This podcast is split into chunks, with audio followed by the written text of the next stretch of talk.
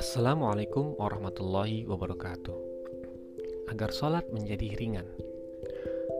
Mengapa agar sholat menjadi ringan? Karena ternyata sholat memang tidak ringan atau memang sholat itu berat. Hal ini bisa kita lihat pada surat Al-Baqarah ayat 45 yang bunyinya seperti ini. Wasta'inu bis sabri was salah wa innaha lakabiratun illa 'alal khashi'in. Dan meminta tolonglah, memintalah solusi kepada Allah untuk setiap permasalahan dengan sabar dan salat. Wa innaha lakabiratun dan sesungguhnya salat itu adalah kabir, adalah suatu hal yang berat. Hal ini menunjukkan bahwa memang sholat itu tidak mudah sehingga banyak dari kita yang memiliki kekuatan atau kesehatan tapi masih merasa berat untuk melakukan sholat. Dan bagaimana supaya sholat tidak berat? Itu kita bisa lihat pada lanjutan ayatnya. Wa innaha illa alal khashi'in. Kecuali bagi orang-orang yang mampu khusyuk dalam sholatnya. Artinya, apabila kita merasa berat dalam melaksanakan sholat, merasa terbebani untuk melakukan sholat. Artinya kemungkinan kita bisa belum bisa khusyuk dalam sholat kita. Dan apabila kita mencapai kekhusyuan dalam sholat Allah akan mudahkan langkah kaki kita Allah akan mudahkan tubuh kita untuk bangkit untuk melaksanakan sholat. Pertanyaannya seperti apakah khusyuk itu? Kita bisa lihat lanjutannya surat Al-Baqarah ayat 46 yang bunyinya seperti ini. Alladzina yadhunnuna annahum mulaqu rabbihim wa annahum ilaihi raji'un.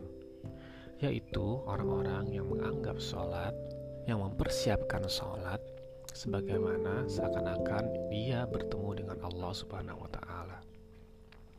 Artinya, dia menganggap sholat sebagai suatu momen yang penting yang harus dipersiapkan dengan baik karena ia ingin bertemu dengan Allah Subhanahu wa taala yang menciptakan langit dan bumi, yang mencukupkan rezeki kepada kita, yang menganugerahkan berbagai nikmat kepada kita dan keluarga kita, yang tak satu pun daun di bumi yang jatuh tanpa Allah tahu, yang tahu apa yang kita tampakkan pada manusia dan tahu hati apa yang kita sembunyikan dalam hati terdalam kita.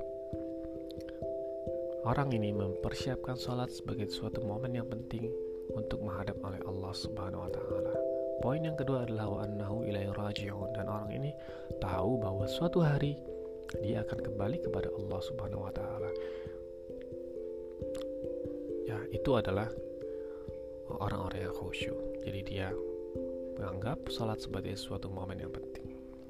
Dalam Al-Quran, dalam mempersiapkan sholat, ada dua poin yang apabila kita lakukan dalam sebelum sholat akan menambah, akan mempermudah kita untuk mencapai kekhusyuan. Yang pertama, kita bisa lihat surat mm, Al-A'raf ayat 31 yang bunyinya seperti ini. Ya bani Adam, khudu zinatakum inda kulli masjid. Yang artinya, wahai anak Adam, pakailah pakaianmu yang bagus setiap memasuki masjid. Artinya, pakailah pakaian kita yang baik ketika akan melakukan salat. Akan terasa sekali perbedaannya. Akan terasa sekali uh, perbedaan kualitas salat kita, kekhusyuan salat kita apabila kita memakai baju pakaian yang biasa saja dibandingkan kita dengan mempersiapkan pakaian yang baik. Pakaian baik ini bukan berarti pakaian mewah, tapi kalau menurut sunnah Rasul adalah pakaian bersih, disunahkan juga memakai wangian. Ini adalah poin yang pertama yang dianjurkan oleh Al-Quran sebelum kita melakukan sholat. Yang kedua adalah hal yang penting juga dalam sebelum kita melakukan sholat yang apabila kita lakukan dengan baik dan benar akan menambah, akan mempermudah kita mencapai kekhusyuan dalam sholat kita. Hal ini kita bisa lihat pada surat Al-Ma'idah, surat kelima ayat 6.